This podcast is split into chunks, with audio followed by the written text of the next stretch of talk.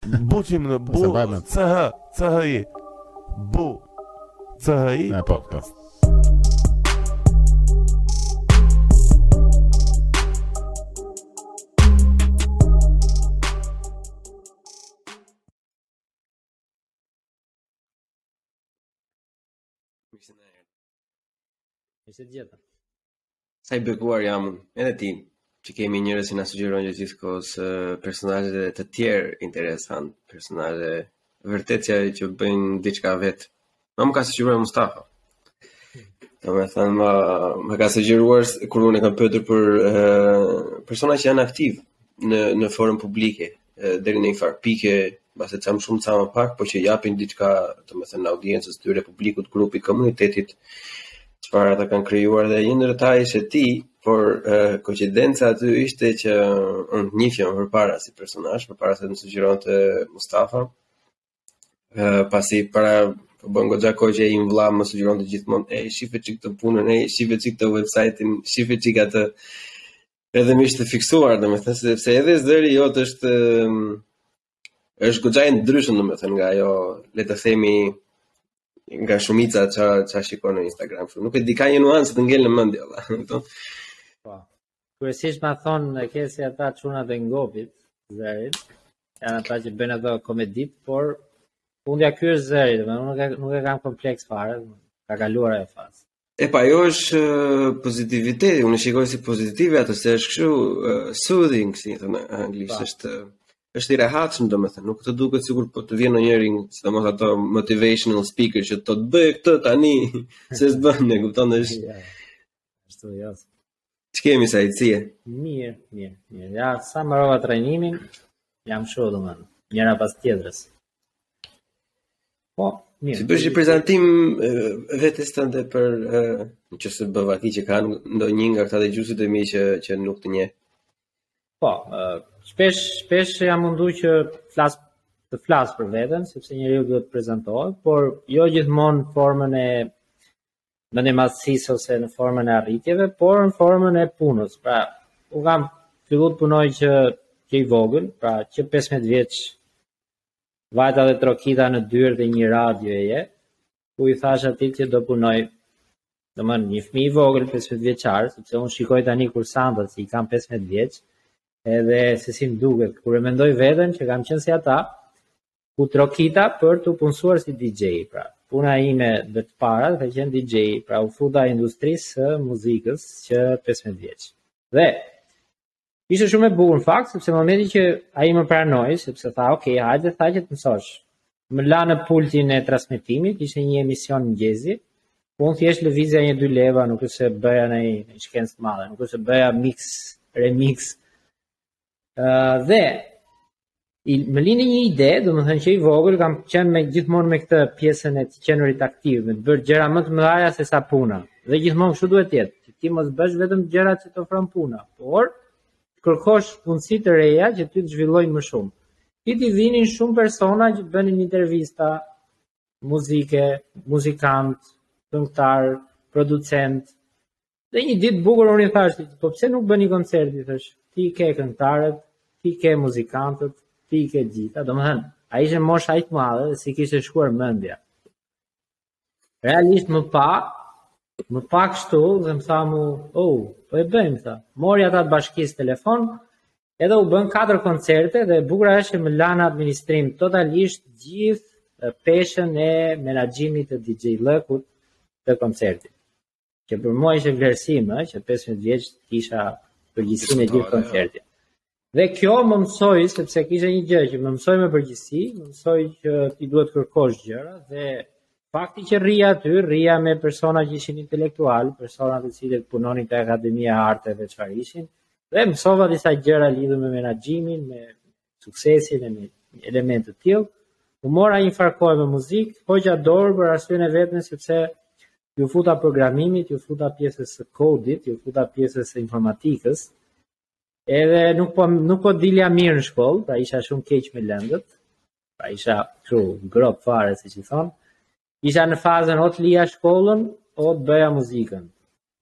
Dhe thashë, qoftë se unë do vazhdoj me muzikë, nuk besoj se do arrij shumë, duke qenë se informatika ishte pak më trend dhe më interesante. U bëra pragmatist, domethënë, në zgjedhje. Edhe e kam lënë kështu si me shpatë, domethënë, u nda totalisht çdo gjë që bëja në të shkuarën me atë që vazhdoj në vazhdim, iu futa me kokë pjesës së kodit, pjesës së programimit dhe mbylla shkollën, më pas fillova punë në kompani të ndryshme, ca programimi, ca kompani e-commerce, erdhi momenti që bëra masterin në shkollë, momenti që bëra masterin m'u ofrua një mundësi që të jepja mësim në një qendër trajnimesh. Isha 25 vjeç, pra dukesh shumë i ri në fakt sepse të japësh mësim.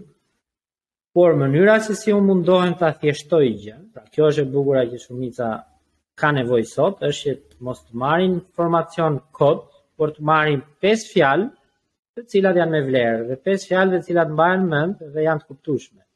Kështu mundohesha unë që studentëve t'ia thjeshtoja gjënë. Nëse një proces për të bërë një gjë ka dy klikime, pse duhet ta ndërlikojmë? shpjego dy klikimet dhe studenti do do të falenderojë për këtë. Fillova të jap mësim, njerëzit dhe studentët filluan pastaj që të krijonin atë idenë të shpjegon mirë atë tekstin dhe pas dy vitesh eksperiencë aty hapa qendrën time. Thashë ta provoj pse jo. Kishim ca kursime bashkë me nusen, dhe thashë ka ardh momenti tani është momenti i investimit dhe e kam hapur në datën 1 mars të 2020-s. 7 ditë para se të mbyllesh nga Covid-i. Gjithë investimi, gjitha që kishim, edhe bukur shumë. E hapëm, u mbyllëm. pra ishte kështu. Por nuk më ka ndaluar, eh, sepse madje unë mendoj që ajo më ndihmoi shumë, sepse duke qenë se unë isha biznesi në rritje, biznesi i ri, kam punu shumë me webin, me fjalët kyçe, me SEO-n, që unë të dilja i pari në Google e të gjitha këto. dhe isha i përgatitur sepse mua nuk më zuri pandemia. Domethënë e zura unë pandeminë. Dhe unë e po, shfrytëzova pandeminë, pjesën e virusit që ishte, që njerëzit i orientoja dhe të përgatisja platformat online. Përgatita një platformë online në të cilën kam gjitha kurset e regjistruara, përgatita të gjitha platformat që unë punoj aty jap mësime dhe online në mënyrë siç duhet dhe më gjeti gati momentin që u hap pastaj nga virusi, unë isha gati me të gjitha platformat, me të gjitha metodat e shpjegimit. Dhe nga andej këtej, pastaj ka qenë punë bashkëpunime me bizneset, kam bërë një event në Tiranë të cilat mblodhëm gati 150 biznese. Si sot fiks para një viti bëra edhe daljen e parë në media dhe kam diku te 50 e ca dalje nëpër media, ku kam dhënë intervista, ku kam dhënë opinione, ku kam dhënë mbi çështje të caktuara, jo e-Albania, jo TikToku, jo siguria, jo këshilla, pra ka qenë shumë e bukur pjesa pjesa në vazhdim. Ë, cili është profili profili jot, domethënë, çfarë ke studiuar? Sa pra, shkenca kompjuterike si studim, Por e ndjej veten më të fortë te pjesa e marketingut, sepse shikoj që është dhe më e bukur edhe më tunduese. Merrem edhe me programim, por programimi është pak i lodhshëm në fakt, edhe nuk të lë shumë hapësirë kohe që të eksplorosh gjëra. Çfarë? Po. Është natyra e kodit pak, se ti ndoshta ke ke edhe Mustafajn e shumë të tjerë që janë në pjesën e kodit edhe kodi është pak pak i ngurtë si gjë. Kurse pjesa ku jam unë dhe dizajni ose dhe pjesa e marketingut është pak më, më kreative, më interesante. Është dhe pak më joshëse marketingu, që ka të bëjë dhe me me emocionet edhe me mm, këtë vëmendjen e personit, domethënë. Është diçka e bukur. Por un jam më shumë tek marketingu teknik. Pra jo tek marketingu i fjalëve dhe i strategjive në thonjza, por i asaj teknike që nëse kemi një web, hajde tani ta çojmë në faqe të parë. Nëse do bëjmë Google Ads, hajde tani të bëjmë Google Ads. Pra, gjërat praktike. E kuptoj. Famën, siç e kam kuptuar unë në fillim, domethënë, si, siç e kam njohur unë, është gjithmonë nga ato videot e bukura, thjesht thua se se ti e përmënde shumë mirë faktin që është më mirë të marri 5 fjalë që i kupton, se sa 40 faqe që duhet të përpunoj edhe un do i lutesha zotit në qoftë se të gjithë ish docentët ose profesorët e mi do t'i dëgjonin këto fjalë dhe mos të na jepnin materiale pa fund që ne t'i lexojmë nga mbrapa, po të mundoheshin ta ta ta thyenin që ta një breakdown domethënë që neve të kuptonim se ku ishte vërtet thelbi ose çfarë duhet mbajtur mend. Dhe normalisht ma merr mendja se dhe një pjesë e madhe kjo i ka tërhequr në në platformën tënde. Ka qenë ka qenë qëllimi që të tërheqësh njerëz në platformë apo ka qenë kjo diçka që e ke pasur kështu si me, me, me pasion që doje të ndihmoje një çik? Ë Edhe kjo është pjesë e bukur sepse në momentin që un fillova t'i futem botës uh, online, e kam provu me YouTube-in, me YouTube-in e qendrës. E mora shumë seriozisht, thash do t'i futem YouTube-it, thash pse jo, sepse e ndjeja veten që duhet të ndihmoja. Edhe fillova bëra, kam bërë gati 20 video, po nuk ecën. Asnjë nga videot, maksimumi i shikimeve vajti 400. Edhe sikur u demoralizova pak dhe thash që YouTube-i s'qënka për mua, qënka e vështirë kjo punë. Kur një nga studentet më tha, hap TikTok, më tha. Edhe unë e pash kështu, thash po bën shaka, po tallet hmm. se s'ka mundësi. Se TikTokun unë e shikoja, domethënë si një platformë gallatë, një platformë që s'më përshtatesh fare, një po. platformë që ishte për adoleshentët, për fëmijët, dhe thash ç'dua unë aty. Dhe tekstualisht kështu i kam thënë, po ç'dua unë aty, thash nuk është vendi për mua. Por hë futu më tha mu sepse do ta shofësh tha realisht tha që ça ça ça fuqie ka. Dhe realisht jam futur kështu, rastësisht kot bëra një video. Ndër videot e para që kam bërë ka qenë një video që kam folur për shkollat, për sistemin arsimor. Pse pse ngelin studentët? Sepse në shkolla nuk jepet mësim, në shkolla jepet shumë material, pra një temë që unë e kisha bërë dhe në YouTube, s'kishte marrë shikime. Edhe i, i fika ato notification të gjitha që ishin TikTok, thash Hajt më thash si, si puna e këtyre tjerave, nuk është se do eci, kur jam zgjuar në mëngjes, ka qenë ka qenë çmenduri, domethënë. Pashë video kishte vajtur 23 k, që s'po e kuptoja një ça është te k-ja mbrapa, thash ça është kjo, domethënë 20.000, shikoj gjithë ato like, shikoj komente, kur hap komente, pastaj histori tjetër. Gjysma e komenteve negative. Thash, po këta çfarë? Çe të bën o vlla? Ka bërë ca komente, ja po na dole ti, do na japësh ti mend, pra kësaj natyre. Realisht u mendova thash mos u merr me këta njerëz, t'i fus një të fshirë, pastaj krahun tjetër kuptova diçka shumë të rëndësishme. Gjeta vendin ku ishin shqiptarët. Është shumë e rëndësishme që në marketing të kuptosh se ku është audienca jote. Ku janë njerëzit? Po. Momenti që i gjeta që ishin TikTok, pastaj menaxhova, fillova të jap material, të jap video, në këtë formë rrita Instagramin, në këtë formë kam rritur Facebookun, në këtë formë po rris YouTubein, pra në një formë të bukur ku po jap material, kush më ka ndjekur e di që jap më shumë se sa marr. Dhe jam këtu ku jam.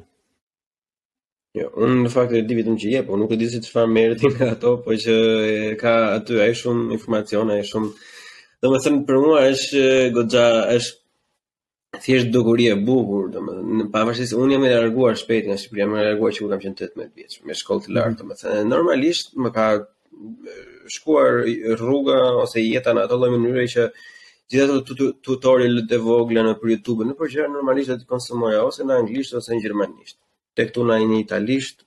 Po. Në ato shqipe mbase ka pasur edhe nuk e kam nuk e kam ditur unë domethën. Jo më pastaj me Reels dhe TikTok që është diçka që do s'do ti do ta mësosh atë që do të dali përpara, s'të lë kurioziteti do ta do ta shofësh, domethënë e di diçka. Minimumi Edhe në qoftë se është një temë që ty nuk të përket, minimumi ti si individ njef një njeri që kjo gjë do i duket interesante dhe do t'ia dërgosh. Shife provoje këtë siç bën një vëlla me mua për sa i përket marketingut, ngaqë mua më duhet domethënë edhe kam qejf të mësoj edhe gjithë kohës më dërgon apo nga këto punërat ato online që ti ke po, po, po. postuar herë të tjera ose vegla dizajni etj etj. Edhe e shikoj shumë si fenomen negativ dhe e kam e, e kisha e doja të të pyesja domethënë për pjesën e anës të komenteve se unë e kuptoj në një platformë si puna ime kur debatoj çështje në mënyrë të gjerë për shembull që ndonjëherë edhe eskalon se normalisht podcast është për atë punë është Ë kuptohet, ok. Një njeri preket, nuk është mendimi i vet, ne e dimë që njerëzit me mendimet e tyre janë pothuajse të martuar dhe ecin dorë për dorë, nuk dinë t'i lëshojnë ndonjëherë edhe kur janë gabim.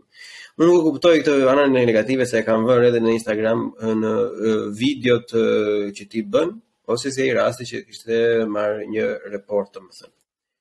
Unë sinqerisht nuk e kuptoj Edhe ti më ktheve një përgjigje që ishte, domethënë, perfekte, që për mendimin tim, me kaq sa e di unë, thjesht të përshkruan shumë mirë, se thoshe që sepse janë njerëz kur ata, kur unë të pyeta që pse e bëjnë njerëzit të që tregon goxha maturi nga ana jote, por unë thjesht gjithmonë nga ana filozofike, nga ana e psikologjisë së njeriu, vërtet duhet ta kuptoj që cilin shqetësoi ajo video. Ë, uh, ja do të jap do të jap një shpjegim që nga që nga fillimi i gjës. Ë, uh, komentet negative janë një faktor shumë i rëndësishëm në marketing që tregon që gjëja po funksionon. Në momentin që ti merr komente negative, do të thotë që ti je duke bërë një punë të mirë. Dhe në momentin e parë që ti shikon shumë komente negative, do të thotë që ti ke arritur një nivel shumë të lartë, ke arritur në atë audiencë, ai tjetri është duke e parë videon tënde 7 herë që mundohet të gjejë gabimin tënd. E kupton se sa shumë sa thellë ke hyrë ti tek ai person. Dhe kur ai të shikon ty shpesh, shpesh, shpesh, ai pa dashje bëhet fansi jot.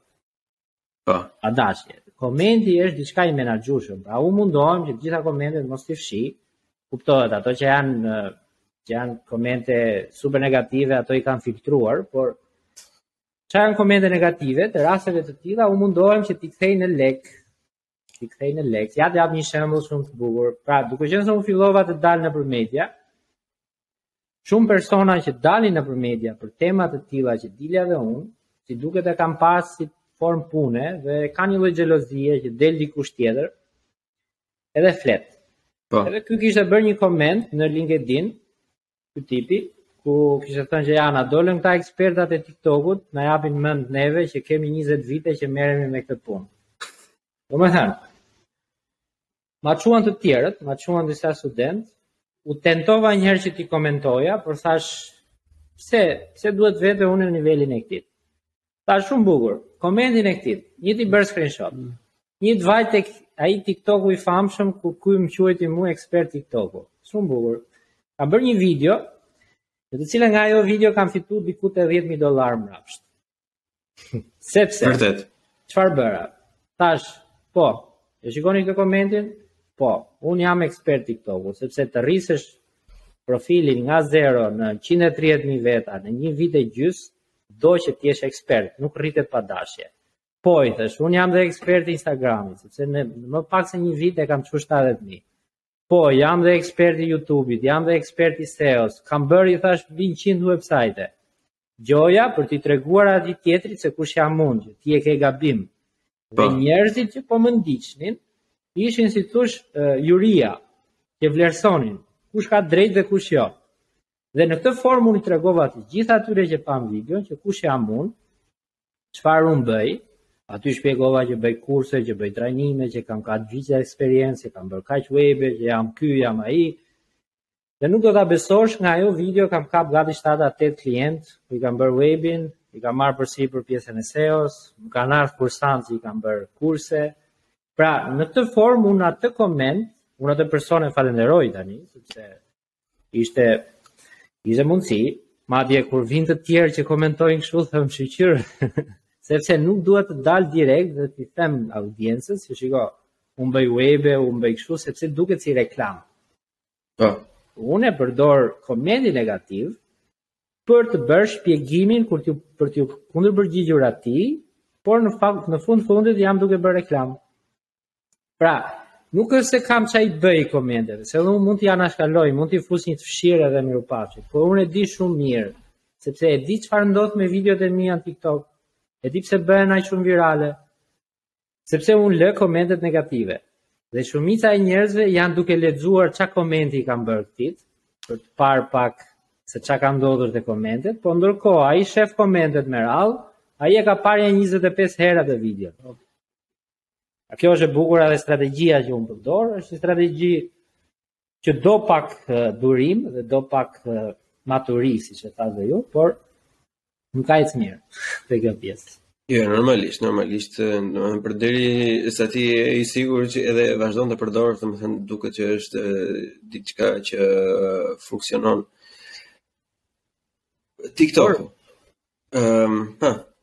Më falë. Ishte diçka, uh, s'ka problem. Ka, ka dhe një gjë që unë momentin që bëj videot, jam i sigurt për ato që nxjerr, sepse momentin që unë them që përdorni këtë toolsin e testoj një herë vet, e shikoj a funksionon apo jo me të gjitha, pastaj e publikoj. Në mënyrë që t'i kem argumentet e qarta pastaj kur dikush thotë që shiko nuk bën, i them po bën.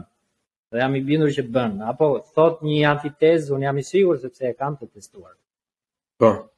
Kjo është një nga gjërat e mira, unë kam vënë re ka pa, para disa kohësh ke pasur edhe një video në Instagram, në qoftë se nuk gaboj, se unë TikTok shumë rrallë rri dhe do dalim te TikToku.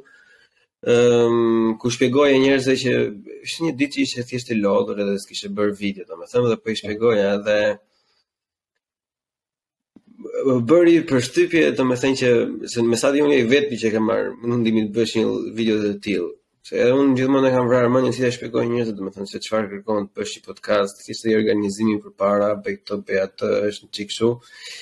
Edhe mm, pjesa e like, e komenteve, domethënë disa personave i, i duket sikur po lënë pasurinë e tyre në qoftë se të lënë një like edhe një koment që Po. Gjë që nuk i dëmton fare, thjesht mund të ndihmojë ty për në algoritmin apo ku di unë, një gjë minimale. Domethënë, po gjithsesi ashtu gur gur bëhet kalaja edhe vë re një nuk e di në qoftë se është vetëm tek ne, po e vë re më shumë tek ne që kemi një farë lloj rryme ose atmosfere negative ne kur shofim njerëz që bëjnë diçka kështu që e bëjnë vet zakonisht, domethënë që që e kupto s'kan asnjë televizion nga mbrapa, asnjë gjë që thjesht dalin, siç e thua ti, e merr e, e kërkon, e, e merr si tezë e provon dhe vet, domethënë je i sigurt dhe e nxjerr. Që gjithë kjo, kjo është e qartë që ti e ke provuar vetë dhe për e njeriu. Nuk e di pse, po duket sikur audienca shqiptare në një numër të madh nuk i ka qef ose nuk i suporton në fillim këta individët që i bëjnë gjërat vetë në mënyrë të pavarur. Po, po kjo është arsyeja pse unë përdor atë strategjinë që thash, që nuk dal direkt që të bëj reklam, pra nuk dal unë të them që unë bëj kurse, sepse jam i sigurt që nuk vin. Do thon, ha, do të bëj lekë me mua, po po, po t'i shkoj unë këtij po. Por unë bëj sherr në thonjza, bëj debat në thonjza, sepse vdesin shqiptarët për debat. Kjo është arsyeja e vetme që Shikon ca hashtagje me 10 bilion shikime, kur ndërkohë ne jemi 2 milion shqiptarë. Kjo tregon që ne vdesim për komente, për thashetheme, për ça i tha, si ja tha, prit ta dëgjoj edhe një herë, ja tha mirë apo s'ja tha mirë. Momentin e parë që ti del dhe bën reklam, që ti i thua që shiko, un kërkoj nga ty një like, ai mendon se ai like-u ti do të japi ty 20000 lek mbrapsht. Dhe këtë mendim ka edhe për mua. Domethënë, shumë video të mia të thonë sa fiton ti nga klikimet. Dhe ia kam shpjeguar shumë herë që fitoj zero nga klikimet. Sepse në Shqipëri nuk monetizohet dot asgjë. Dhe prap nuk e besojnë dot, thonë që s'ka mundësi që ti mos fitosh e të dalësh çdo ditë, po lëre tash se kush e di nga e ke nga një nga një damar. Po. Është normal. Kemi shumë shumë intriganta në këtë pjesë. Duam se s'bën të futemi një çik tek puna e tjetrit. Po, po. Se e zëmë, ja e zëmë se do isha unë në të njëjtin nivel siç je ti për shembull do kisha miliona ku dëgjon etj etj. Unë s'e kuptoj çfarë punë i prisha atij sa punë sa çfarë bëj unë. Jo, po bëhesh i pasur çfarë thotë. Se të bëhesh i pasur. I, i prish punë, e kupton, i prish, i prish ditën. Del tek pjesa, shiko, është është strategji goxha goxha e bukur domethënë tani kur ti kur ti e përshkruan se si ai rast me Facebookun para 2-3 vitesh, nuk ka nuk ka mm, reklamë të keqe. Po. po. Domethënë nëse di me e përdor del neto normalisht me fitim gjithmonë. TikToku plako. Do të flisnim pak për TikTokun, se aman ti ke folur edhe në vëndet e tjera, ke bërë dhe videot e tua, por uh, duke parë zallahinë politike, sidomos në Amerikë për shembull, po edhe këto lëvizjet e ndryshme të Komisionit Europian për momentin e përsa i përket privatësisë, po që me thënë të themi të drejtën edhe Instagram e Facebooku njëjtat gjëra bëjnë, po thjesht nuk i përgjigjen Kinës, është më shumë çështje gjeopolitike. Ë parashikon ndonjë ulje, ndonjë rënie ose ndonjë ngritje, se në qoftë se ata nuk e bllokojnë vetëm fakti që po flasin kaq shumë për TikTok, një ngritje është. Po po, po është. Sidomos në Amerikë, në Amerikë kanë dalë shumë uh, influencerë që po bëjnë kështu tip protestash le të themi. Edhe të gjithë të tjerat që nuk janë TikTok, po e marrin seriozisht sepse në Amerikë për shembull flasin për popullin, nuk e duan Metën. e kanë pak e urrejnë pak Metën, sepse Meta duke qenë se bën ato reklamat që futet në detaje, pra të vjen dhe troket në derë, ta shfaq atë produktin kështu si me porosi. Po. Nuk e kanë qejf dhe kanë kaluar në pjesën e TikTokut dhe kjo është duke e rritur pak, por unë mendoj që gjithashtu është politike, sepse TikTok është rritur në 3 vite.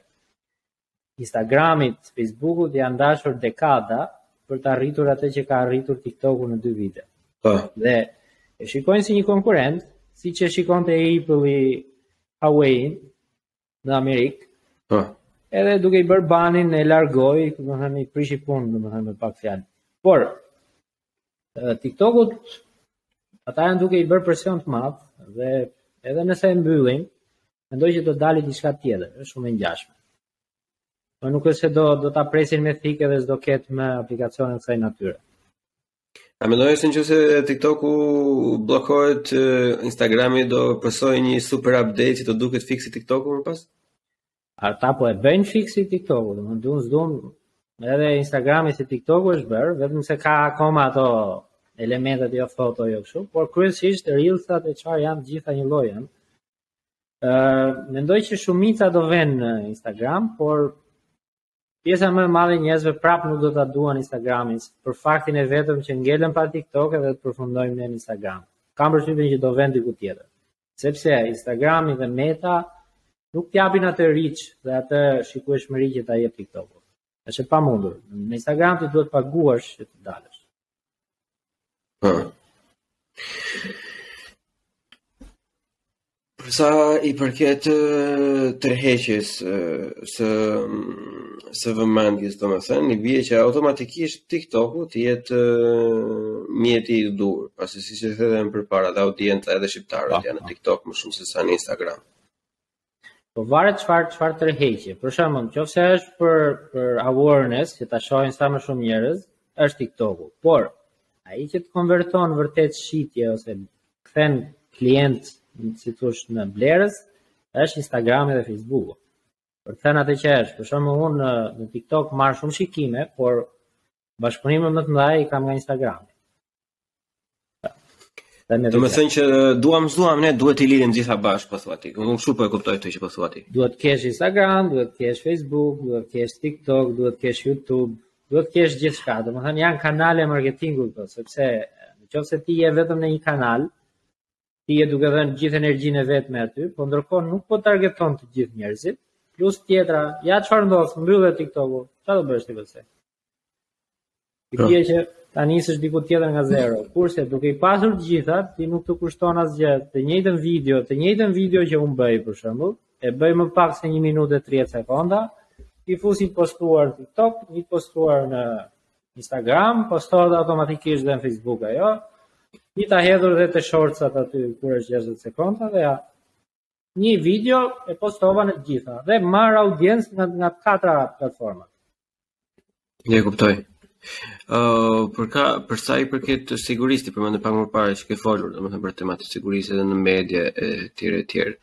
Edhe e përmendë faktin se Meta t'i sjell edhe dëshirat me të zeza të shpirtit tënd si pa, po, pa. Po. E, reklama. Po edhe TikToku të njëjtën mënyrë bën apo jo? Ja? TikToku gjitha një lloj janë, patjetër. Ne nuk po nuk po mbrojmë asnjë se s'kemi asnjë lloj interesi, por Metën e kanë marrë, e kanë marrë inat populli, sepse ngaqë ka shumë vite, edhe kanë kanë ndjekur shumë gjyqe për këtë gjë. Ë gjithmonë i japin shansin një aplikacioni të ri në të cilin nuk të censuron aq shumë, pra të jep mundësinë e lirisë së fjalës, edhe të jep mundësinë që të rritesh. Unë kam vënë re se i kam ndjekur këto të influencerave në Amerikë, Këtu persona e kanë formë jetese tani. TikTokun. Pra kanë arritur aty me miliona followersa dhe e kanë punë, bëjnë reklama, bëjnë review produkteve, çdo lloj influencer, pra momentin që ti ia heq këtë të drejtë, ata do kalojnë dhe do përfundojnë në Instagram, por në Instagram nuk fitojnë dot aq sa po fitojnë në pjesën e TikTokut. Dhe siguria që kanë ata si pretendim se thonë nuk ka siguri TikToku, e kanë vetëm në faktin që nuk kanë kontroll në të dhënat, sepse i ka Kina si si aplikacion. Dhe ne e dimë shumë mirë që Google-i, Facebook-u, çka janë këto, kanë kontroll te të dhënat nga mëngjesi në darkë. Lere ça thonë, ne mbrojmë privatësinë tuaj, jo po kështu, jo po ashtu. Jo, asnjë asnjë nuk i beson ata, domethënë nuk ma ha mendja se ka njeri që t'i besoj kur ata thonë që i mbrojmë të dhëna thjesht. Po pikërisht, po ku e dimë ne që të dhënat tona nuk shiten, nuk keqpërdoren etj. më. Që pa mund. Kjo është një frikë për shumicën kjo është një frikë që ka shumica e njerëzve, domethënë keqpërdorimi i të dhënave shqetëson. Ndonjëherë se shiko. Në qoftë se ti je duke folur me një shokun tënd se duhet të blesh, nuk e di, një makinë rroje, valla, duhet një makinë rroje e mirë dhe në Instagram të del vërtet një makinë rroje që vërtet është e mirë. Produkti neto në fund, le të themi të drejtën, është pozitiv apo jo, sepse ai bëri shitjen dhe ti gjete produktin. Po, patjetër, për bizneset është mirë. Për bizneset është mirë kjo. Po deri diku edhe për personin është mirë, në qoftë se ty t'u paraqit një produkt që është në në kënaqësinë tënde që i përmbush detyrën që ti doje, themi të drejtën, do blije të kurseu atë research që do bëje, domethënë, me pak. Po ja, po të jap, po të jap një rast të çuditshëm që në fakt është për t'u frikësuar, por Në procesin kur unë vija për punë këtu, kur isha në fillim fare, fillimet e punës, haja kështu tost, merrja proshutë edhe tost, se kështu fillohet fillimi i biznesit, ata të tjerët kanë nisur nëpër garazhe, kurse unë e kam nisur me tost. Po. Dhe uh, m'u desh të veja në një nga këto dyqanet e sallamerisë që shesin këto proshutat gjërat. Dhe unë nuk kisha kërkuar as në search, nuk kisha dhënë as like, as koment, as një lloj aktiviteti lidhur se ç'm'u du mua proshuta, s'ka lidhje. Por momenti që unë vajta atje, mora, erdha këtu te puna, vetëm sallame dhe këto proshuta më dilshin nëpër reklama nëpër YouTube dhe u kshu çik, u vura pak në pozitë tash edhe po prit se unë s'kam shfaq interes, si ka mundësi. Ishte GPS-i. Në momentin që unë te dyqani ndejta më shumë se 5 minuta, aty është lokacioni në hartë, pra e shfaqi interesin tim te X biznes, dhe m'i shfaqi si formë reklame. Pra e kupton se ça, ça çmendurie ndodh në mbrapaskenë dhe ne nuk e dimë. Unë e kam një më të frikshme se sa kjo, prandaj jo më kot ta përmenda makinën e, e, për në më thënë të, të facial po. hair. Ne kemi qenë mes çunash, domethënë normalisht luajtëm volejboll, mbasi mbaruam volejbollin, duke shkuar tek supermarketi më i afërt për të blerë birra, po më pyet ai djali që plako më është prishur makina, ça makine ke ti që të ble dhe një unë? Edhe unë po ia shpjegoja, domethënë ishim duke folur. As as foto, asnjë gjë, telefonat në xhep. Shkojmë në supermarket, dalim, vemi tek ajo vendi jonë ku uleshim, ndezim një, pimë një cigare, fillojmë hapim birrat, hapim telefonat. Djali sapo kishte blerë një uh, iPhone të ri me kontratë. 3 ditë telefon. As që nuk e kishte prekur ndonjëherë këtë temë, sepse ishte e freskët e asaj dite. Hapim Instagramin, çdo katër poste Philips, uh, Bosch, çdo lloj ma, uh, makinë rroje, domethënë që mund të dijë ti. Kjo është, domethënë, është përtej se je duke u dëgjuar gjithë kohës, që konfirmohet pjesa që ti po dëgjohesh, domethënë. Po kam frikë po na dëgjon dhe tani se do na mbushet me. Po po na dëgjon sepse ne ne kujdesemi që telefoni të jetë me bateri, ne kujdesemi që të jetë me internet, ne kujdesemi që të ketë edhe cilësi të mirë kamera, pra që kur të na përgjojnë ose jemi në monitorim, të jemi në cilësinë maksimume, kupton? Pra jemi vetë Big Brother. Ja, ja. Kështu që s'kemi pse ankohemi, përderisa je online, më ka bërë dikush një pyetje një në komente, që a ka ndonjë mënyrë që ne t'i shmangim gjitha këto që mos më përgjojnë, mos më bëjnë trak, mos më bëjnë kështu. Domethënë dhe priste një përgjigje si t'thush të argumentuar nga ana ime, dhe i kam dhënë vetëm tek, tek fjalë, ik në pyll, Po. Vetëm në pyll, dhe në pyll pa pajisje digjitale, vetëm aty në jetën në jetën e mëparshme, vetëm aty nuk trakohesh, se përndryshe je 100%. Po sa e frikshme është vërtet se shumë njerëz janë paranoikë. Për shembull, le të themi deri në ka teori konspirative, domethënë që mund të futesh në atë vrimin e lepurit, domethënë edhe nuk del më, nëse je një njeri që të pëlqen ato lloj gjërash, po.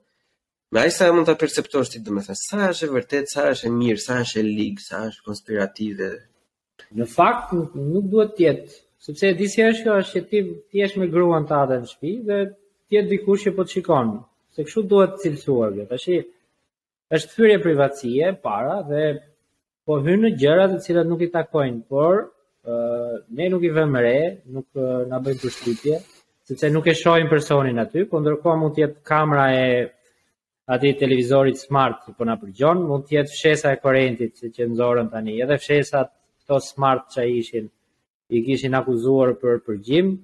Tani po na del kjo inteligjenca artificiale që do marrin dhe një robot në shtëpi që të na bëjnë ai punë. Pra, ne nuk do jemi më vetëm.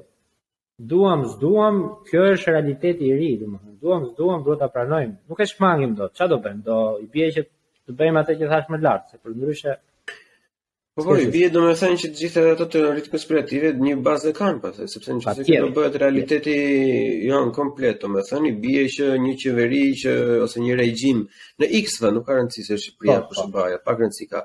Në qoftë se kërkon kontrollin 100% të njerëzve të saj, e ka, domethënë, e ka gati. Thjesht po. me një, një, një gisht larg. E ka dhe është më e lehtë se kurrë. Pra nëse dikur do, do duhesh të punësoheshin spiuna, apo çfarë janë agjentë sekretë termi, termi i duhur, Tashmë nuk ka nevojë për ato sepse ka akses, mjafton thjesht disa kompjutra që monitorojnë, në momentin që kapin fjalë kyçe të caktuara, i fusin një të regjistruar asaj dhe e kanë shumë të lehtë. Kështu që nuk i shmangemi dot, është e pamundur. Okej, okay, janë teoritë që ti duhet marrësh VPN, duhet përdorësh browser që nuk bën track, patjetër, këto të ndihmojnë deri diku, por nuk do të thotë që je 100% i mbrojtur. E kuptoj. Po kjo kjo po i prek edhe këto instanca shtetërore për shembull se e, ne themi që kemi merak se na përgjon shteti mirëpo edhe shteti bie vetë domethënë pre e këtyre lloj gjërave se si jo pak herë domethënë vetëm 2-3 vitet e fundit në Shqipëri lloj lloj budalliqësh të ndryshme domethënë që është thjesht turp në radhë të parë pastaj probleme edhe të tjera të tjera është është gjë e mëngjur kjo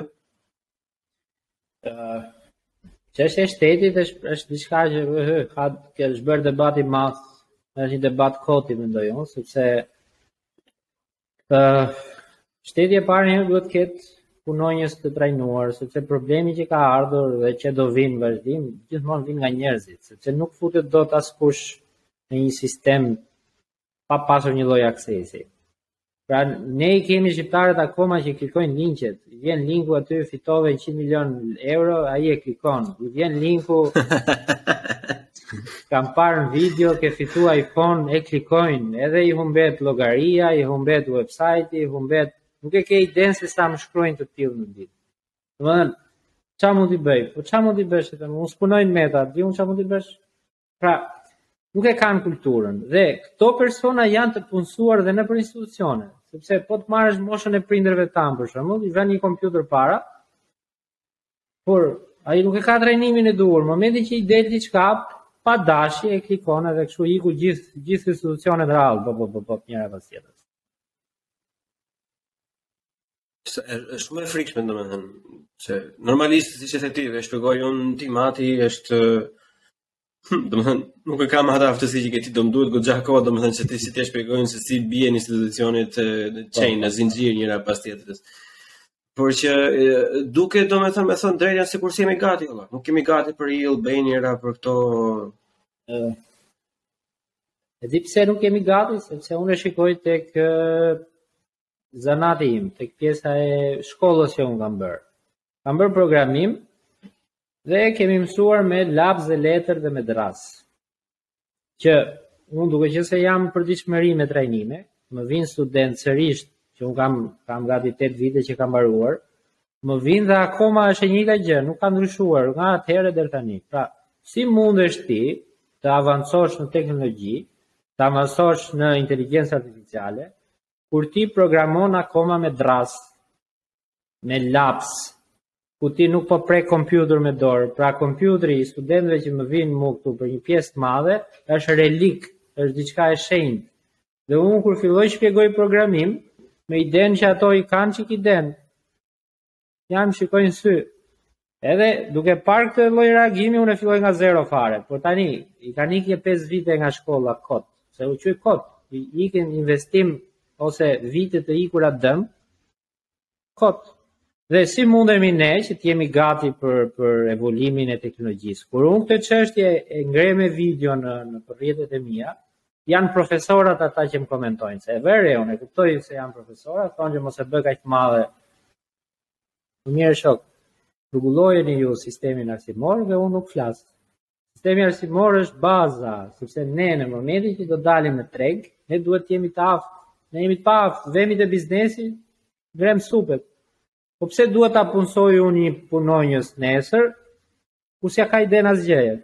Nuk ka, nuk kam arsye, domethënë. Në si ka mundësi që dis, ka shumë instanca shtetërore, do me thënë se unë isha në dijeni të informacioni që pothuajse të gjitha këto janë me TIK, gjithë web developer, çdo lloj gjëje që ti e bën të gjithë me, me, me laps dhe letër ose me shkumës në drasë të zezë, ose me copa letre ku plotësohet kodi e tjera e tjera. Tani, nga të gjithë këta persona që janë të përfshirë asnjërit nuk i paska vajtur mendja që this is not the right way që what the fuck çfarë dreqin po bëjmë si mund të mësojmë programim, literally diçka kompjuterike me drasë të zezë në fakt ata që hartojnë këto sisteme arsimore shqiptare jetojnë në të ardhmen Pra, realisht jetojnë në të ardhmen. Tani, Australia, Amerika, janë duke futur testimet me laps dhe letër dhe shpjegimin me drasë, sepse studentët po kopjojnë në chat GPT.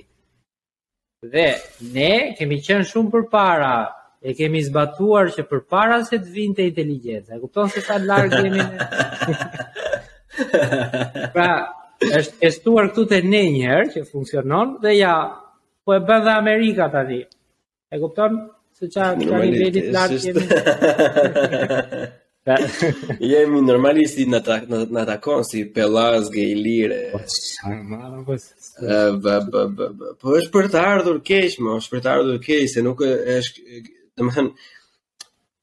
po shkoj në në degën time inxhinieria e ndërtimit.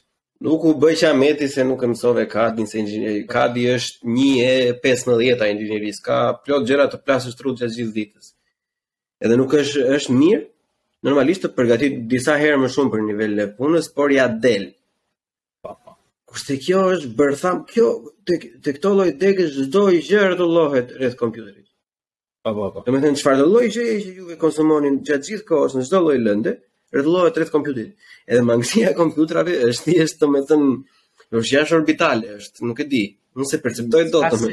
Po nuk ka sens, domethënë sepse ne venim te kompjuterat, na thoshin mos i prek se i prish. Domethënë, s'e kuptoj, domethënë ne bënim programim në hapësirë, programim me mendje, ose kemi qenë shumë të mirë në logjikë, që kemi logjikuar përtej logjikës, se përndryshe s'ka shpjegim tjetër. Po, e është në fakt, sepse e kanë problem shumë shkolla, sepse këtu më vijnë studentë nga shumë universitete, nga shumë shkolla, nga shumë profile të ndryshme, dhe është problem madhor që është në të gjithë sistemin arsimor shqiptar. Sepse, Vetë ato që japin mësim, se mos duhet që të dalë që të akuzoj se s'ka lidhje, por vetë ato që japin mësim janë zysha sa kanë mbaru shkollën. Po. Tani, si mundesh ti t'japësh mësim 23 vjeç? Ka që kam pas zysha dhe unë që më kanë mësu mu. Tashi, ti 23 vjeç ti s'ke eksperiencë. Okej, okay, do thua që kam punu programim unë Që 15 vjeç. Pje, për po do të kishë arën pedagogike, s'ka lidhje... Nuk je gati, domethënë që ti t'japësh në universitet, duhet të kesh kalu një shtatë-tetë vite eksperiencë të mirë, dhe duhet të jesh në gjendje që t'ja thjeshtosh studentit maksimum, pastaj je në gjendje, por këto filtrat nuk funksionojnë këtu, sepse këtu është akoma miku, këtu është akoma partia, këtu është akoma këto gjërat. Sa e dëmton, se edhe kjo ishte një nga pyetjet që na bëhet. Këto këto çokat kështu domethënë, sa sa e dëmtojnë si industri? Se është industri për shembull që duhet të vazhdojë më mirë nga gjitha të tjerat, sepse duket qartë më qartë se kaq nuk ka, ajo është e ardhmja, aty do të fokusohet të gjithë fuqia e punës, domethënë sa e madhe është plaga e mikut edhe korrupsionit në, në atë lloj industrie. Infektimi ka shkuar në palcë. Që do të thotë, ë, momentin që ti vete në universitet, shikon pedagog që janë bërë të paprekshëm. Sepse ka një mik shumë të fortë, edhe ai nuk i intereson fare, nuk vjen mësim fare. Shpjegimin e bën si t'i dojë qefi, të ngel ty pa pik, pa pik logjike. Pra, pse i qeshe ti, se të buzëqeshe, se Ku di unë, t'u kujtua, t'u kujtua që ke fituar ca lek me një diçka dhe ti buzëqesh, në këtë rast je i ngelur automatikisht, pse i buzëqeshe zyshës. Raste të tilla ngelin këtu në Shqipëri.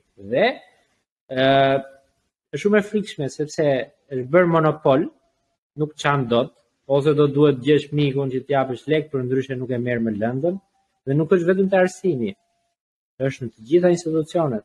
Pra është bërë leku si një mjet që po s'e pate ti nuk nuk merr shërbimin e merituar. Me këta persona të ulët ça qejf ça ça kompletojnë kur kur ngel një nxënës ti për faktin se ai qeshi për diçka, domethënë nuk ta bëri qefin ty maksimalisht, domethënë ça fitojnë me këtë? Ëm, nuk mendoj se fitojnë, por mendoj që Kanë një lloj pushteti, e quajnë pushtet, që unë jam jam unë, pra, unë kam të drejtë vendos, unë të kam në dorë, dhe e kanë e kanë si formë si formë presioni, si formë rritje, si formë rëndësie, pra i japin shumë rëndësi vetes, por unë mendoj që studenti nuk ka pse ngel. Studenti nuk është i aftë ndoshta që të bëjë mrekullira, që të mbajë mend përmendsh të gjitha, por studentit i jepi hapësirën që të logjikojë. Unë jam i sigurt që çdo njeri sot, çdo student, çdo i ri, ka mënyrën e tij të shpjeguarit gjërave. Po ti duhet t'i japësh hapësirën. Ktu në shkollë, ça thon? Po nuk e bëre ashtu siç e kam shpjeguar unë, ti nuk e merr lëndën. Kjo e, e bën që ai të kopjoj, sepse ai do kopjoj në këtë formë, se përndryshe s'mban mend të gjitha. Po ça, nuk mëson ashtu, ti thjesht kopjon edhe mëson si të, si të kamuflohesh, ajo nuk është mësim, robot. ti nuk është se sjell ndonjë performancë. Pikërisht. Sepse këto nuk janë as nuk është... Unë nuk besoj se ka ndonjëherë në një lëndë, domethënë që, që duhet të bësh njëjtën, se ajo nxjerr thjesht robot, gjithsecili kodi si çfarë lloj inxhinieri të jesh, domethënë si ndërtimi mekanike, kompjuterike, tjere, tjere. Kur të punësohesh, ti do punësohesh si që të zgjidhësh probleme, që zgjidhësh probleme, ti do të kesh një logik, do të kesh një lloj fantazie, do të kesh një lloj mënyrën tënde personale të zgjidhësh probleme. Nuk kuptoj këtë modelin që bën sistemi unë. sepse këto lloj shkollash prodhojnë prodhojnë studentë të cilët do punësohen nesër nëpër kompani, do marrin një rrog, do jenë të nënshtruar, le të themi, do do zbatojnë rregulloret dhe nuk do kenë mundësinë që të bëhen të pasur apo të çajnë ato nivelet e e kufizave që të vendos. Dhe arsimi është duke luajtur një rol shumë të mirë me këtë. sepse ta vështirëson aq shumë procesin e marrjes së asaj diplome, sa që ti frikësohesh që të marrësh guxim në jetë. Unë kshu e lidh, sepse në qoftë se ti në shkollë të bëhet aq shumë presion që shiko nuk është e lehtë. Imagjino ti s'po merr dot një diplomë, duhet të mësosh, duhet të marrësh 10 apo s'e more dot e shtosh, andej kti Kjo të krijon trauma, trauma që ti nuk ke më guxim momentin që merr atë diplomë. Dhe ke frikë, thua, ore, po prit unë mezi mbylla shkollën, imagjino të hap unë biznes. Kushedi sa e vështirë është. Në shkollë nuk ka qenë asnjë që na ka motivuar, ose që të flasim për lekë, flasim për paranë.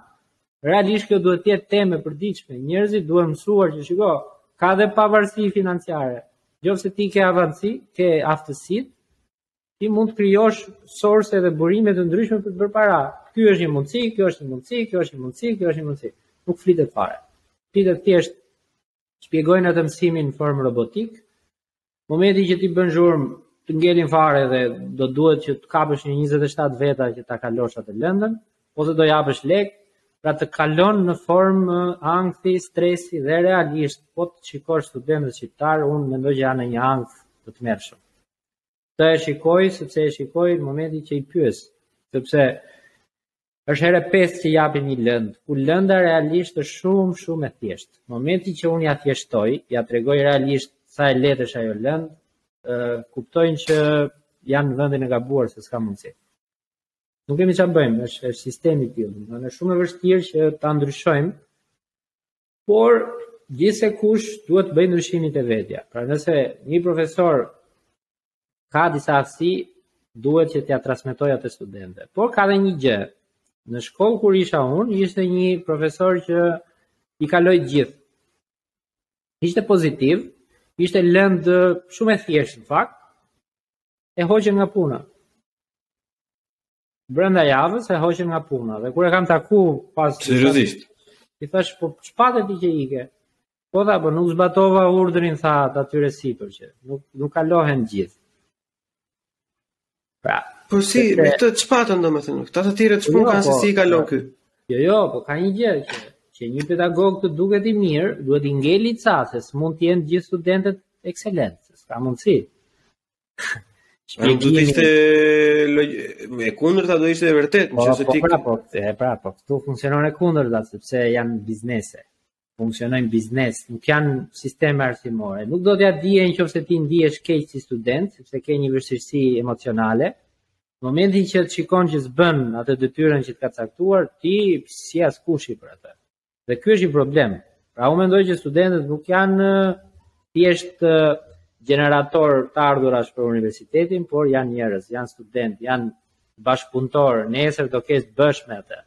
Dhe e bukura e di kush është? Shumë nga ata të cilët më kanë dhënë mësim, më ka rastis tani që të kem formë bashkëpunimi. Po bota, po, është e vogël. Pra tashmë jam unë ai që jap ato pikët, sepse u them, shiko, kam diçka në dorë. Po e di unë se ç'kam hequr atëherë me to. Prandaj asnjëherë nuk duhet të jesh arrogant, nuk duhet të jesh Ia vure asaj tani tani që i, i takon prap ia ia lë ia lë ta kuptojnë që kanë bërë gabim aktivisht ose pasivisht ose kështu. E kuptojnë vetë ato se më ndjekin me videot që bëj. E kuptojnë vetë. Po, e kanë kuptuar. Ka ndodhur ndonjë rast që mund të ketë ardhur ndonjëri që të shprehet, domethënë, që kemi bërë gabim ose ë um, më komentojnë kështu me adresa fake. Po e kuptoj nga shkrimi. Ëh. Ah. E kuptoj nga shkrimi direkt se kush janë. Po nuk ka problem sepse fundja unë jam transparent, ato e din shumë mirë. Unë jam një person që flas me fakte. Momenti që unë kam qenë në atë sistem, kam vuajtur në atë sistem, nuk mund të ma thotë dot askush të kundërtën, sepse kam vuajtur vetë. Unë nuk po të them se ça më tha Bleoni dhe Bleoni t'ia ka thënë një shok tjetër dhe një shoku tjetër. Jam unë vetë, me emër me mbiemër. Pra dhe aty s'kanë që bëjnë ato, sepse e dinë vetë se si është problematika në sistem. Të kuptoj. Interesante. Ëm në kalojmë çik më shumë në në përgjithësi se ne folëm domethënë arsimi si edhe shumë nga nga të ftuarit e mi të tjerë domethënë aty na rreh gozhda të gjithëve ai çekani domethënë që është po, po, po. e, e keqe shumë arsimi në Shqipëri. Po e, po ta lëmë këtë mënjanë Cila mendon se janë problemet, domethënë më më të mëdha në Shqipëri tash, si social, si politik, financiarisht, domethënë, ose le të themi tre nga problemet më të mëdha. Mm, e është arsimi e para, të paktën si e shof unë, është pjesa e financave, shqiptarët kanë kalu pak në, në çakordim financash. Mendoj që rritja e çmimeve, dalja duarsh e organizimit kursim fitim është çakorduar fare. Pra shikoj që harxhojnë më shumë, kursejnë më pak dhe nuk po dinë më të menaxhojnë, sepse nëse dikur ti merrje për shembull më pak rrogë, kishe çmime më të lira. Ishin gjëra shumë herë më të lira. Tani ti mund të marrësh një 50000 lekë më shumë, Po je duke e paguar katërfish me pjesën e këtyre, pjesën e ushqimeve, gjërave të përditshme. Dhe problemi tjetër që shikoj unë është infrastruktura në teknologji. Të paktën unë e lidh me fushën time, sepse mund të ketë probleme tjera sa të duash në industri të tjera, por teknologjia është në problemet e veta.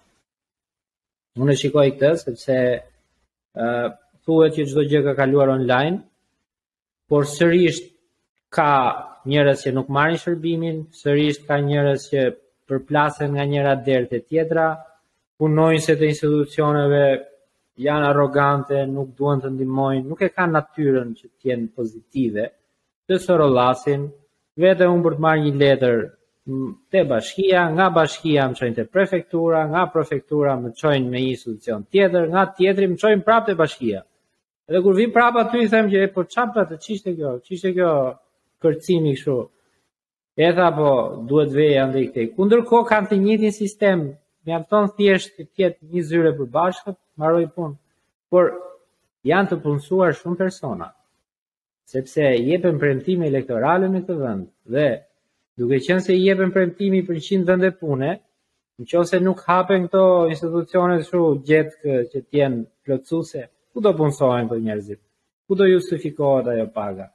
Pra, po t'i futemi janë më shumë se tre, janë është politika, korrupsioni, është jo merit, nuk ka meritokraci, pra një person i aftë ngel pa punë këtu.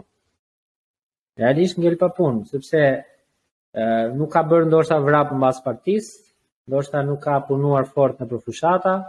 Domethënë ti je ke punuar shumë për aftësitë e tua, mund të kesh bërë trajnime jashtë, në qoftë se ti vjen këtu, do të shumëzojë me zero, në qoftë se tenton të garosh në një institucion shtetëror, sepse nuk e ndjek partinë, nuk je partizan i saj dhe kaq e thjeshtë. A mos ndoshta është kjo një kështu një wake up call, një thirrje zgjimi për të gjithë të rinjtë që të shkëputen komplet nga dashuria për të punuar në shtet.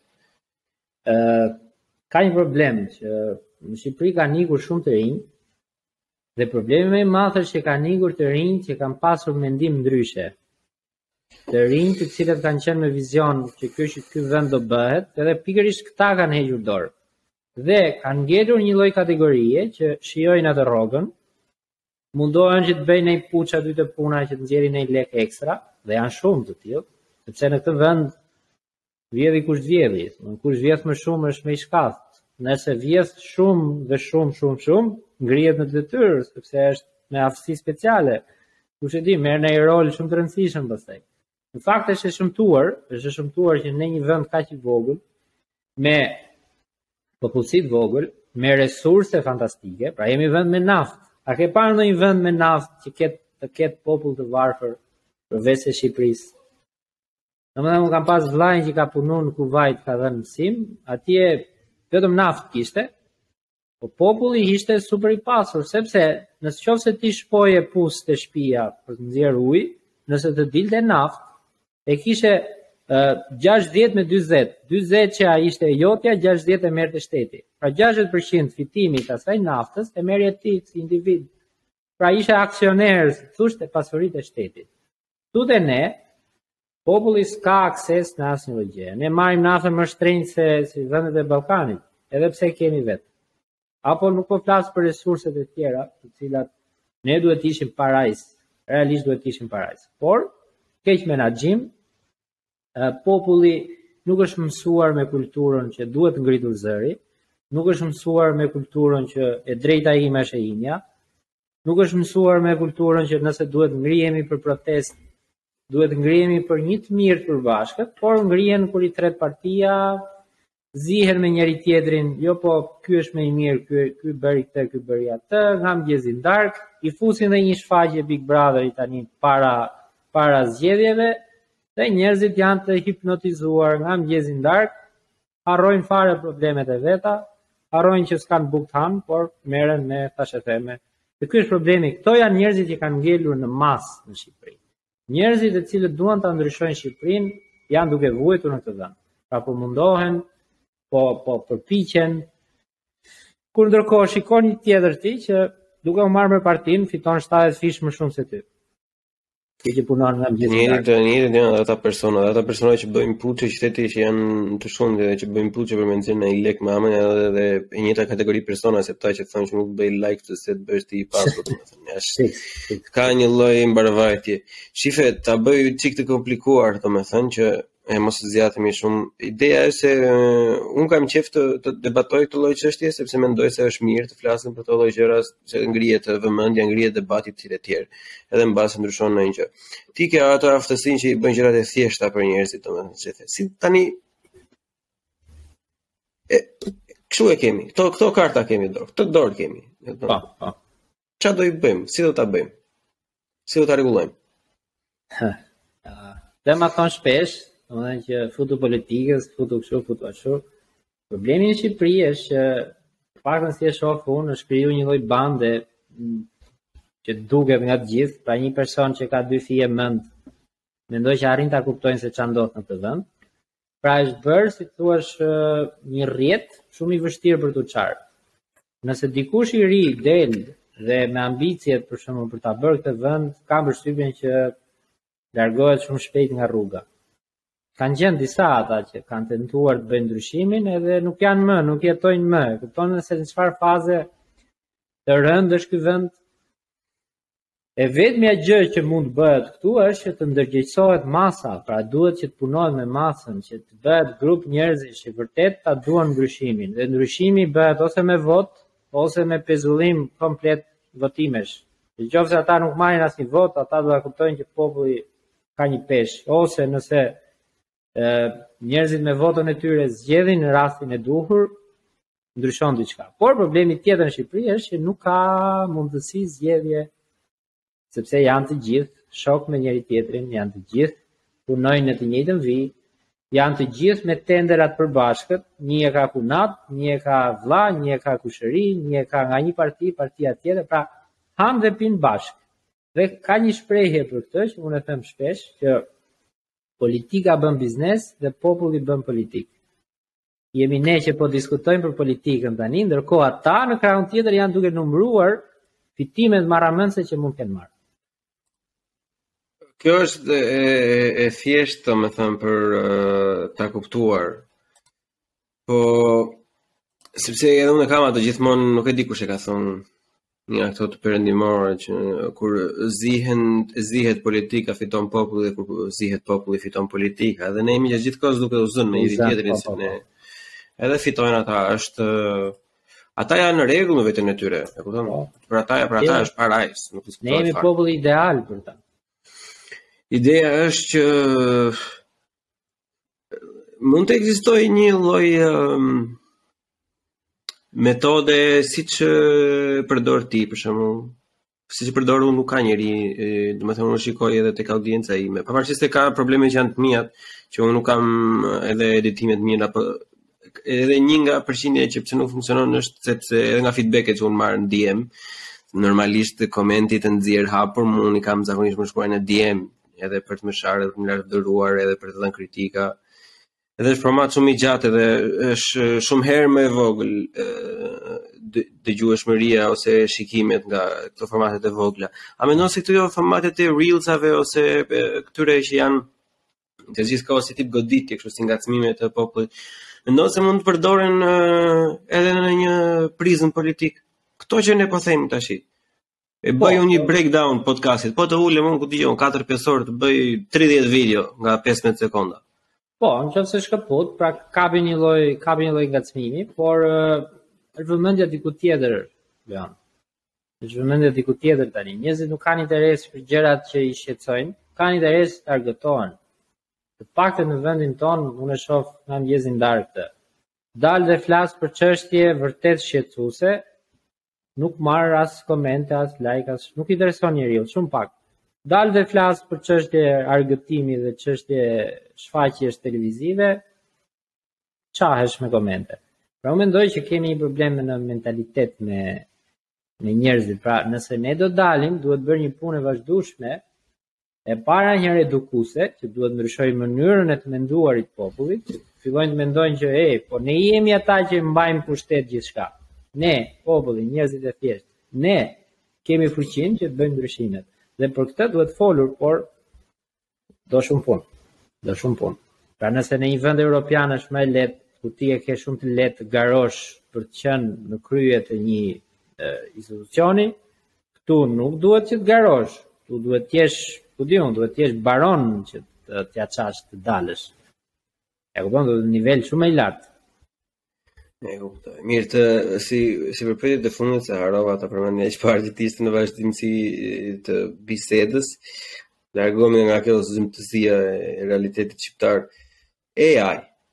Inteligjenca artificiale. E, shumë debat jashtë kanë shumë të fortë, disa nga personat më prestigjiozë të planetit si Elon Musk thonë që duhet të rregulluar, Italia i bëri ban, nuk e di është i plotë a është i pjesshëm. Kishim edhe një Space dje, e diskutuam, hiç gjë nuk nxorëm në shesh, se nuk shumica nuk e kupton se ça është, nuk e kupton as kapacitet, nuk e kuptojnë se ça bëjnë domethënë. A është kjo fiks si këto gjërat e tjera që ti thua që thjesht erdhi dhe thjesht duhet përdorur? Po, patjetër, është, është evolim, është evolim. Momenti që doli kompjuteri i parë, njerëzit u tmerruan sepse thanë që u zëvendësuam. Tashmë kush do merret më me ne? Tani kanë kompjuterin, kompjuteri bën mbledhje, zbritje, shumëzim, të gjitha. Por në fakt, kompjuteri që ne po flasim sot na ka ndihmuar e kemi mjet pune, e kemi përditshmëri, pa të nuk bëjmë dot, pra nuk bëjmë dot biznes sot pa pasur teknologjinë online. Tani vjen një moment në në teknologji, në të cilën kalohet hap pas hapi. Web-i ka kalu në tre faza. Web 1.0, që ka qenë fillim fare, ku ti vetëm çoje emaile, Web 2.0 që u, është kjo që ne po përdorim, ku ti mund të hapësh një rrjet social, të shpërndash ide. Kjo që ne po bëjmë është një lloj ë uh, bashkëbisedimi në dy shtete të ndryshme me lehtësi shumë thjesht Pra unë e quaj si pozitive. Tani ka ardhur momenti që të kalojmë te web 3.0. Por kalimi është pak është pak i dhimbshëm.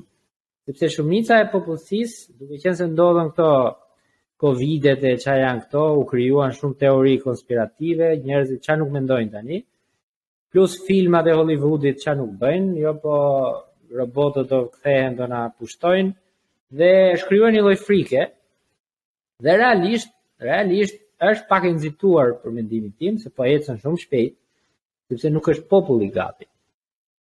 Ça do të thotë nuk është gati? Në momentin që ka njerëz me depresion, ka njerëz që janë në gjendje shumë të rënduar, jepi ti mundësinë që të komunikojë me një inteligencë, ai nuk arrin dot ta kuptojë që është robot, apo është njeri që po i flet.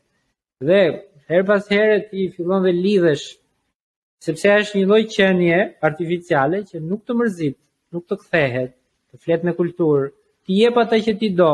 Një vëmendje. Nuk të thotë jo, nuk të thotë s'e di, nuk të thotë nuk e bëj, por pak a shumë ndjek një një lloj rrjedhe logjike të bisedës dhe të informon për çdo gjë. Që ti ndihesh zot në atë moment. Po, ndihesh ndihesh sikur ke fuqinë që të bësh zgjidhjet më të mëdha që ekzistojnë dhe mund të keqpërdoret.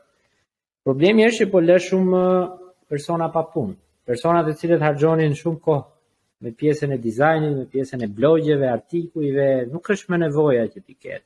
Edhe unë për shembull e përdor shumë në përditshmëri, për të bërë gjëra që deri dje më hanin shumë orë.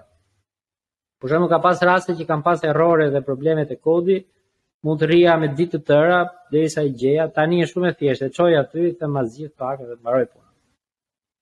Kjo do na bëjë më dembel, kjo do lëri shumë veta pa punë. Kjo do hapi hapësira pune për një nivel tjetër programimi që do quhet automatizim. bizneset do kenë nevojë për AI më vonë dhe do kërkojnë persona që t'i mirëmbajnë, sepse AI është diçka e programueshme që ti e programon sipas interesave dhe dëshirave që ke në biznes. Pra do hapen vende pune mendoj unë, por uh, jo të gjithë. Jo të gjithë do jenë në gjendje të punojnë.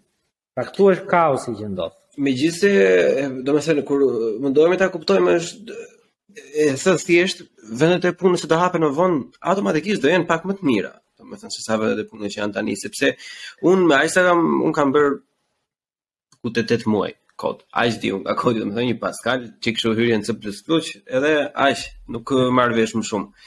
Edhe ajo kur të gjesh atë kllapën, Ta. Që më merrte mua diku te 25 minuta.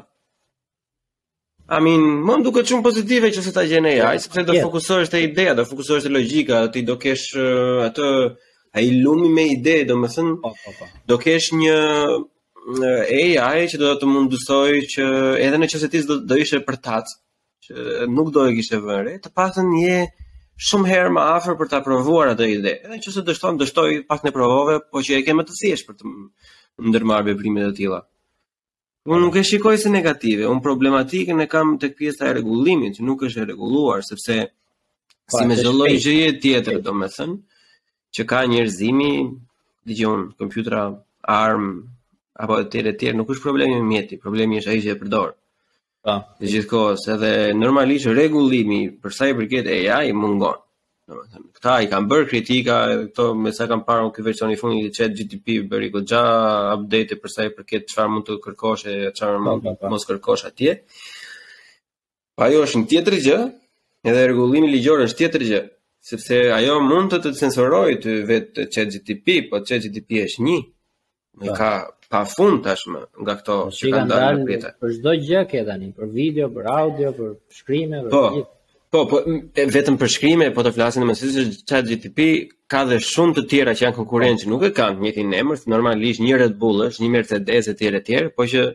Kanë, janë të ngjashme. Po. Janë të ngjashme, edhe ideja është duhet të ketë një farë uh, rregullimi, ishin ato që kishin dalë në, edhe në Franca, në, në Francë, po. Pra. Që ato që i kishte ndihmuar chat GTP-ja të krijonte një bombë kimike.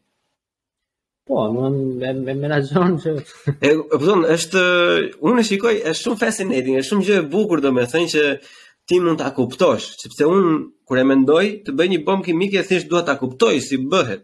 Po, po. Po unë, jo tjetri. Tjetri ka plane të tjera me atë, domethënë. E, po këtu është e vështirë sepse nuk kuptohen qëllimet e njerëzve.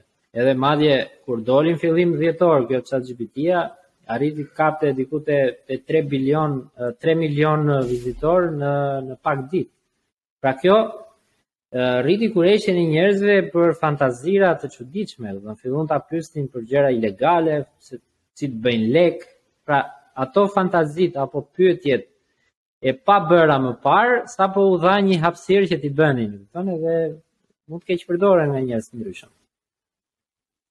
Po prap, mendoj se ka është një pjesë e këtyre, domethënë që mund të jenë ose kriminela ose me sëmundje mendore ose e tjerë e po, tjerë, po. pa dashur të jem ofendues, domethënë, por që po, po, po. ka edhe një anë pozitive këtu që pak e, pak e përmendin. Janë dis, një kategori e këtyre që kanë ë aftësinë për të qenë kriminel ose kanë aftësi për të qenë sociopat, psikopat që kënaqen thjesht duke me me atë imagjinatën, që kënaqen thjesht me atë chat GTP-n. Kjo është, shiko, është është absurde, domethënë është shumë perverse si ide, po është pozitive sepse ai ka një lloj kanali për të shfryrë atë. Po, po, po. Mllefin e vet.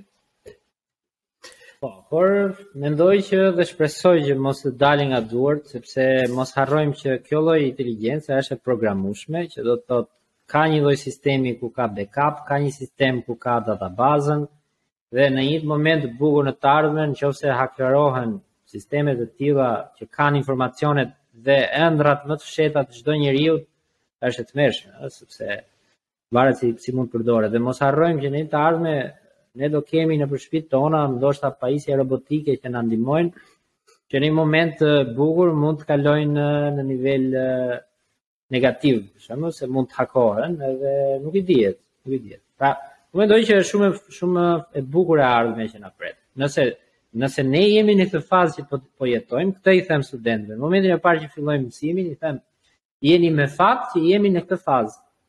të jetës. Pse? Kemi mundësin që çdo pyetje, çdo paqartësi, t'i marrim më shpejt se uh, kurrë më parë. Nëse ne do bënim gjërat që bëjmë sot në dymijshin, do ishte tmerrësisht e vështirë.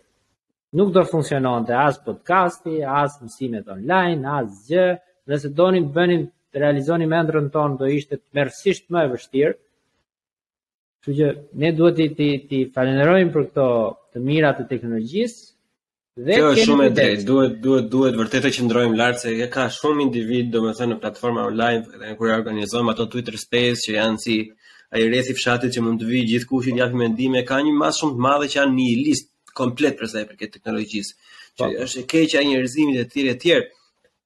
Por nuk duhet të harrojmë asnjëherë faktin që ne jetojmë në periudhën më të mirë të njerëzimit. Po. Domethënë nesër është më mirë nga sot, pasnesër është më mirë nga nesër etj etj gjithmonë progresive dhe nuk duhet ta harrojmë asnjëherë që secila secila periudhë ka ka problemet e veta. Pastaj nuk është dokumentuar ndonjëherë ndonjë periudhë e njerëzimit ku nuk ka pasur njerëz që thonin opo vjen fundi i botës. Është thjesht ka un kam dhe në fis ashtu që thonë do bëhet luftë, mos hap biznes thonë. Eh. Domethënë janë gjithmonë kundra kundra rrymës. Tash nëse ti merresh me ato, i bie që të flesh gjumë, se ndryshe nuk do nuk do nuk do ecë asgjë. Pra, ka çudira të tilla, por duhet marrë gjithmonë anën pozitive. Pastaj e kemi në dorë se si do ta përdorim. Për shembull, un TikTok-un tim e përdor për qëllim pozitiv, pavarësisht se TikTok-u është llum, në thonjëza nga mëngjezi në darkë, sepse i tillë është si platformë. Unë mundohem që t'i jap një arsye njerëzve që të mbajnë TikTokun, ndoshta për të më ndjekur mua, që të marrin një këshill, të marrin një një motivim, të marrin diçka pozitive. Nëse këtë e bëjnë 100 veta, atëherë fillon ndryshon gjëja. Pra TikToku ndryshon faqen. Pra kështu është edhe puna e inteligjencës. Nëse ne e përdorim për mirë, ajo do na shërbejë neve nesër për mirë. Nëse ne mendojmë që ajo është për qëllime negative, atëherë është faji jonë atëherë, nuk është faji i teknologjisë. E kuptoj. Super Said. Ë, uh, mund të thosh pak dëgjuesve, domethënë ku mund të të gjejnë, por edhe për pjesën e kurseve si mund të aplikojnë edhe si mund të kërkojnë. Përpara kësaj, kisha, pa. Po. kisha ca ditë që kisha shumë telefonata, ngaqë hodha një video në të cilën uh, tregova si mund të përgjohen telefonat e kështu, një informacion të përgjithshëm, po m'u desh t'mbyllja, mbylla mesazhet në Instagram, mbylla mesazhet në TikTok, mbylla në Messenger, mbylla çdo lloj kanali të mundshëm edhe numrin e telefonit e vura silent. Se thashë, s'po ja dal dot, se vetëm me të shkruajtur kështu. Kur dëgjoj nga dritarja e punës këtu, dikush që po më thërriste. O Said, o Said. Uh, pra unë kam një shprehje që ai që do të të gjejë të gjen. Shumë e lehtë sot. Mjafton të kërkosh Said Duleviç në Google dhe dalin të gjitha gjërat që unë bëj, mënyrat e kontaktit, rrjetet sociale, kam një qendër që quhet Impact Education, është në qendër të Durrësit, jap trajnime u bë prej 3 vitesh, e impact pikë al është website hyn ke aty çmimet ke kush e jep ça shpjegohet detajet të gjitha domethënë jam mundu që ta thjeshtoj që në prezencë që studenti që do të marrë informacionin ta ketë qartë njëherë se çfarë do mësojë sa kushton se bën edhe llogaritë sa lekë kam në xhep edhe sa do shpenzoj dhe të gjitha mënyra digjitale Kam futur dhe reelsat në website, një risi në Shqipëri kjo.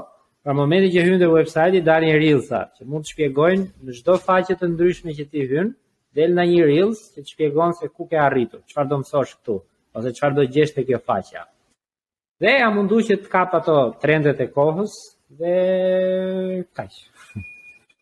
Super fare. Gjithsesi, domethënë për ato që përtojnë të bëjnë këtë kërkimin vetëm, do i gjeni të gjitha në description në YouTube, kurse nga Spotify i gjeni në description, por nuk klikohen aq lehtë, kështu që duhet të jepni manualisht, ju kërkojmë falje për 3 sekonda më shumë. Sajda, dua të të falenderoj jashtëzakonisht, më ishte një bisedë shumë e këndshme. Faleminderit. Ja. Edhe shpresoj të të shihemi, të dëgjohemi herë të tjera, pasi patjetër. Un kam kam vërtet qejf të diskutojmë herë pas here, domethënë edhe për tema ë uh, që nuk na përkasin as as mua as ty për sa i përket profesionit, po le të futemi në atë vorbullën e halleve të njerëzve, të përditshmërisë. Është e madhe. Shumë suksese edhe ty dhe mos ndalo. Është diçka që në në marketingun e shoh që quhet konsistencë, vazhdueshmëri. Nëse je i vazhdueshëm, uh, suksesi dhe shifrat vijnë vetë. Shumë suksese. Edhe do shihemi sërish. Shumë faleminderit, gjithë të mirat. Faleminderit. Faleminderit.